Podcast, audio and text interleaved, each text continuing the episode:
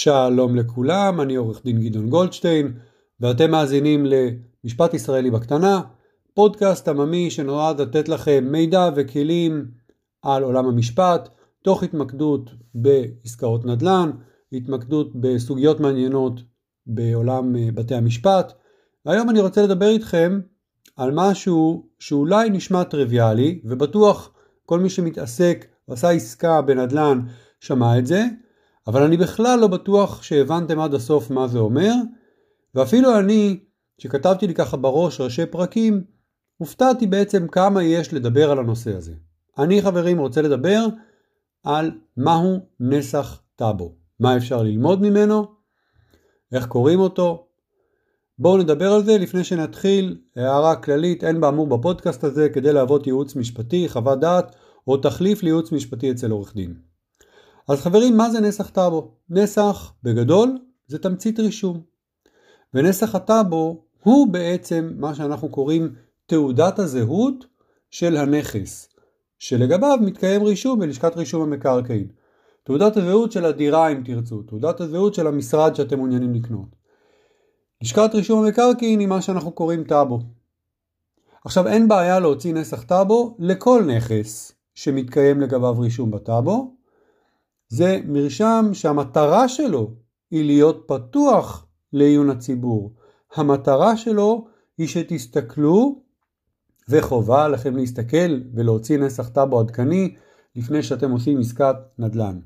זה מרשם, מה שנקרא פתוח כלפי כולי עלמא, כמו שאומרים בשפת המשפט הארמי, כלפי כל העולם. מה שכתוב בו מחייב. אם כתוב בו משהו ולא קראתם אותו, זאת עלולה להיות בעיה קשה, כי יש לנו כללים שאומרים שכשאתם קונים נכס נדל"ן, עושים עסקה בנדל"ן, אתם צריכים להיזהר ולבדוק את הרישום לגביו, להבין מה אתם קונים ומה הזכויות לגביו. עכשיו אמרתי, אין בעיה להוציא נסח טאבו, היום אתם עושים את זה באופן מקוון, נכנסים לאינטרנט ותמורת אגרה של באמת כמה שקלים, מוציאים נסח, נסח עדכני. אז זה חשוב מאוד להוציא נסח טאבו, לפעמים במהלך עסקה אני מוציא אפילו כמה וכמה נסחי טאבו, תלוי בשלבים של העסקה, תלוי כמה זמן היא לוקחת, תלוי מה קורה בעסקה עצמה, מחיקות של הערות אזהרה, מחיקות של משכנתאות, רישום של הערות אזהרה וכולי. מה אנחנו יכולים ללמוד מנסח טאבו? אפשר להבין קודם כל מי הבעלים של הקרקע. אגב, הבעלים של הקרקע לא בהכרח יהיה האדם שממנו אתם קונים את הנכס. או איתו אתם עושים את העסקה. יכול להיות שהבעלים של הקרקע תהיה מדינת ישראל, רשות הפיתוח, אנחנו לא יודעים, צריך להוציא את הנסח ולראות. ואם הבעלים מדינת ישראל, אז הבן אדם יהיה לכל היותר זכויות חכירה. ואז צריך ללכת ולבדוק מה אומרות זכויות החכירה שלו. אבל כן, אפשר להבין מי הבעלים של הנסח, בדרך כלל מי שתקנו ממנו ויהיה לו זכות בעלות, אז יהיה רשום שהוא הבעלים. אם לא, כמו שאמרתי, הוא יהיה רשום שם כחוכר, אולי אפילו כסוחר. זה כמובן חשוב, כי מי שאתם עושים לו את העסקה לא יכול למכור לכם מעבר לזכויות שיש לו. אם יש לו זכות בעלות, הוא יכול לתת לכם זכות בעלות. הוא יכול גם לעשות לכם עסקת שכירות או חכירה. אבל הוא לא יכול למכור מעבר לזכויות שיש לו. שיש לו. מה עוד אנחנו יכולים למצוא בנסח הטאבו? למשל, אם יש משכנתה רשומה על אותו נכס שאתם מעוניינים בו, אז אם אתם למשל קונים ממוכרים שלקחו מתישהו משכנתה כדי לממן את הקנייה של הנכס הזה או לכל צורך אחר, הם היו צריכים לרשום אותה בטאבו לטובת אותו גורם שנתן להם את המשכנתה. בדרך כלל בנק אבל לא תמיד. אתם יכולים ואתם חייבים להבין את זה ולדעת את זה ואת זה יודעים ולמדים מנסח הטאבו. בנסח הטאבו אנחנו נוכל לראות גם רישומים של הצמדות לדירה. למשל בבתים משותפים, אם יש לדירה חניה צמודה, או הזכויות על הגג צמודות לדירה, אם יש הצמדה לחצר, אם לא דירת גן אז תהיה הצמדה לחצר, אם יש מחסן מחוץ לדירה, הדברים האלה יהיו רשומים בנסח הטאבו. ולמה זה חשוב? היה לי למשל מקרה שבו אנשים אמרו לי, הלקוחות אמרו לי, תשמע, יש דירה ואומרים שיש חנייה. פתחנו נסח טאבו וראינו שהחנייה לא רשומה בטאבו. לא רשומה כמוצמדת לדירה. מה זה אומר? זאת אומרת, זו חנייה שהיא כנראה נמצאת איפשהו ברכוש המשותף של הבניין, וכל מי שמגיע על בסיס מקום פנוי יכול לחנות בה. זה לא חנייה צמודה במשמעות שהיא חלק מהדירה, היא חלק מהקניין שאותם אנשים היו קונים, אותם מוכרים היו מוכרים, כי דירה, חנייה שצמודה, אם מישהו חנה, מישהו פלש לחנייה, תפס את החנייה, והוא לא, אתם רוצים להוציא אותו, אין בעיה, אפשר או לנקוט בכוח על פי מה שהחוק אומר, כוח סביר, לפי חוק המקרקעין, או להתלונן למשטרה, או להגיש נגדו תביעה ולתבוע אותו, הכל לפי הסיטואציה. מה אנחנו עוד ככה לומדים על הדרך? שבעצם יש משהו שנקרא רכוש משותף. אוקיי? ב, לכל דירה בבית משותף יש חלק יחסי ברכוש המשותף של הבניין. מה זה רכוש משותף? למשל גג, מעלית, חדר מדרגות. כן? ההגדרה לרכוש משותף נמצאת בחוק המקרקעין תשכ"ת 1999, 69 סליחה. רכוש משותף הוא כל חלקי הבית המשותף, חוץ מן החלקים הרשומים כדירות, ולרבות הקרקע, הגגות, הקירות החיצוניים, המסד, חדרי המדרגות, מעליות מקלטים, וכן מתקני הסקה או מים וכיוצא באלה, המיועדים לשמש את כל בעלי הדירות או מרביתם, אפילו הם בתחום דירה מסוימת. אז יש משהו שנקרא בית משותף, ואולי זה רעיון לפרק על בתים משותפים, פרק בפודקאסט שלנו, שקצת נסביר מה זה אומר בית משותף, רוב האנשים מכירים את בתור אה, שטח ציבורי, ככה קוראים לזה, זו כמובן טעות בשימוש במינוח, טעות נפוצה, זה שטח משותף ורכוש משותף, אבל זה לא הפרק שלנו, אבל כן אנחנו למדים שיש דבר שנקרא בית משותף. בית משותף הוא, הוא בניין שהיה רשום, ראוי להירשם כבית משותף ואכן נרשם כזה קיבל צו רישום בתים משותפים, ושוב נדבר על זה, נרחיב על זה בפרק נפרד, אבל אנחנו כן למדים שיש דבר כזה, וצריך ללמוד מנסח הטאבו מהו החלק שיש לדירה ברכוש המשותף, בדרך כלל זה שטח יחסי של הקרקע של הדירה לעומת הקרקע של שאר הדירות, זה בעצם איזשהו שבר, וזה החלק היחסי ברכוש המשותף של הדירה הזאת מכלל הרכוש המשותף. האם זה אומר שזה חלק מהדירה? לא. זה פשוט הזכויות ברכוש המשותף ויש לזה משמעות לגבי קבלת החלטות מה עושים ברכוש המשותף כשרוצים להרחיב דירה, כשרוצים לעשות פרויקט של תמ"א 38, דיברנו על זה, אולי נעשה את זה בצורה מסודרת בפרק נפרד. מה עוד אנחנו למדים מנסח טאבו? האם יש לנו תקנון מצוי או תקנון מוסכם. תקנון מצוי זה התקנון שנמצא בתוספת לחוק המקרקעין. זה תקנון שבעיקרון הוא ברירת המחדל לגבי כל בניין שרשום כבית משותף. עכשיו, מה זה תקנון מוסכם? זה תקנון שהוא שונה. תקנון שהדיירים, או מי שמכר את הדירות לדיירים, ורשם את זה כך, תקנון שמסדיר את השימוש ברכוש המשותף בבניין. אוקיי, מה הכללים? מה עושים? מה קורה באותה חניה? האם זה על בסיס כל הקודם זוכה? האם עשו איזושהי חלוקה פנימית של איזה דירות מותר להם להשתמש בחניה? האם אה, עשו איזושהי החלטה באיזה שעות מותר, אה, מותר לעשות רעש ובאיזה לא? יש אה, למשל תקנונים מוסכמים לבניינים, לבתים משותפים, שבהם אומרים איזה בתי עסק מותר להפעיל בבניין. אני לא מדבר על הדירה עצמה, אלא לפעמים יש בניינים שלמטה יש חזית מסחרית, ואז מגדירים באותו תקנון מוסכם מהם אותם בתי עסק שמותר ומהם בתי העסק שאסור. והרבה פעמים יש ויכוח למשל לבתי עסק שעוסקים במכירת מזון, שפתוחים בשעות מסוימות בלילה. השכנים רוצים שקט והם החריגו עסקים מסוימים מהתקנון, אז מאוד מאוד חשוב אם יש תקנון מוסכם, אתם חייבים לעיין בו ולראות מה הוא אומר.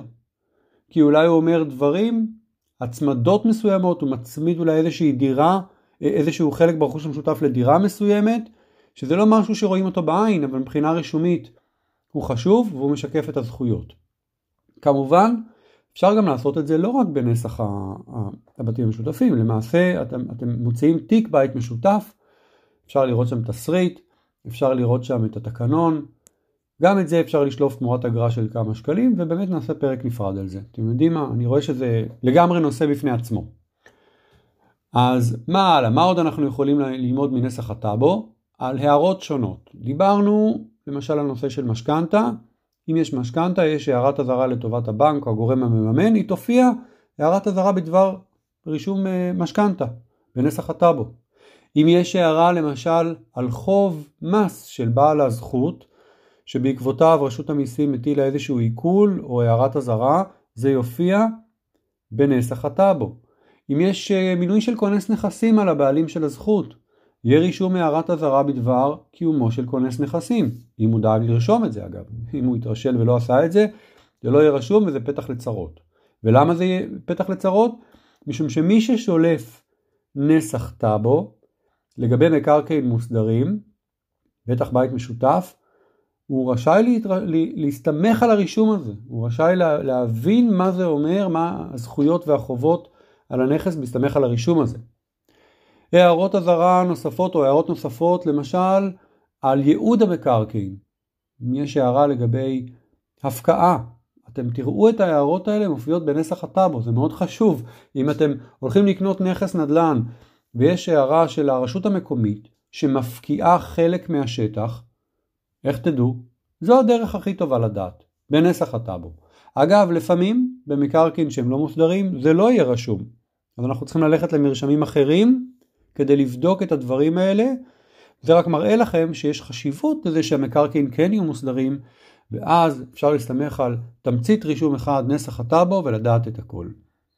אז יש הרבה מאוד מה ללמוד כמובן, אם אתם עושים עסקה אז אתם לוקחים עורך דין, והוא זה שיעשה את הבדיקות, ואמור לומר לכם מה אתם קונים, ואיך הרישום לגבי הנכס מתנהל, ומה, ומה רמת הסיכון, או מה הדברים שצריך להיות מודעים אליהם.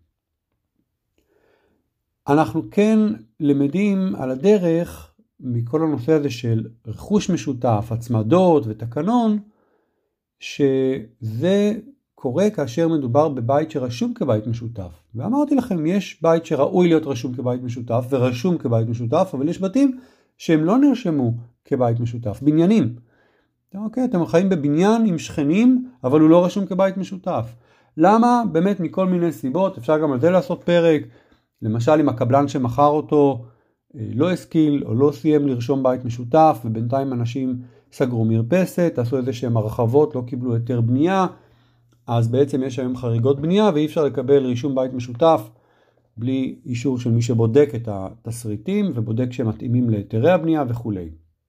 גם כשאתם קונים דירה מקבלן, דירה חדשה בבניין שעדיין לא נבנה, אתם עדיין לא מקבלים רישום של נסח טאבו של דירה בבית משותף.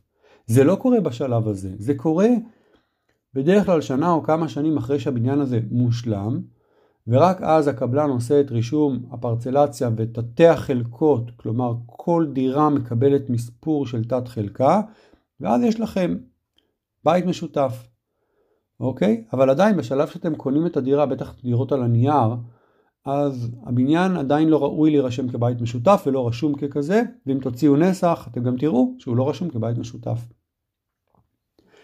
הערה קטנה לפני סיום, קצת משפטית אני מתנצל מראש. אבל זה מתקשר וחייבים לומר את זה. יש סוגים שונים של זכויות שלגביהם מתנהל רישום בטאבו. דיברנו על בעלות, חכירה, שכירות. יש גם סוגים שונים, יש עוד אגב, יש זיקת הנאה, יש עוד דברים, לא ניכנס לזה. יש גם סוגים שונים של קרקעות. במדינת ישראל הרישום של קרקעות רשום בשלושה סוגים של פנקסים בצורה עקרונית, כן, כללית. פנקס השטרות, שם רשומים מקרקעין שטרם עברו הליכים של הסדר זכויות קניין לפי פקודת הסדר זכויות במקרקעין, נוסח חדש, תשכ"ט 1969. והרישום בפנקסי שטרות לגבי מקרקעין לא מוסדרים מהווה על החוק, שימו לב, ראיה לכאורה לתוכנו.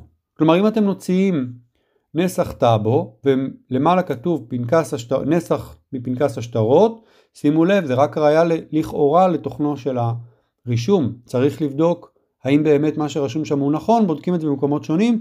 שוב לא אתם, עורכי הדין שמייצגים אתכם. לאחר הסדר זכויות במקרקעין, הרישום הזה מתבטל וזה נרשם מחדש בפנקס הזכויות. ומה זה פנקס הזכויות?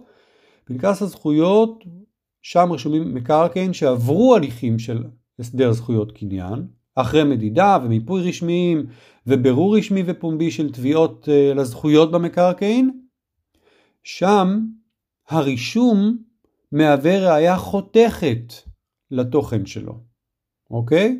בפנקס הזכויות, אגב סטטיסטית, יש בערך 95% משטח המדינה, וככל שאנחנו מקדמים את פעולות ההסדר, ככל שרשויות המדינה מקדמות את רישום ההסדרים במקרקעין, פחות ופחות פנקסי שטרות, יותר פנקסי זכויות, זה טוב לכולם כי זה נותן ודאות, ועם ודאות אפשר לתכנן ואפשר לעשות עסקאות, הרבה יותר קל, לכן יש חשיבות רבה בעצם להסדרה של מקרקעין.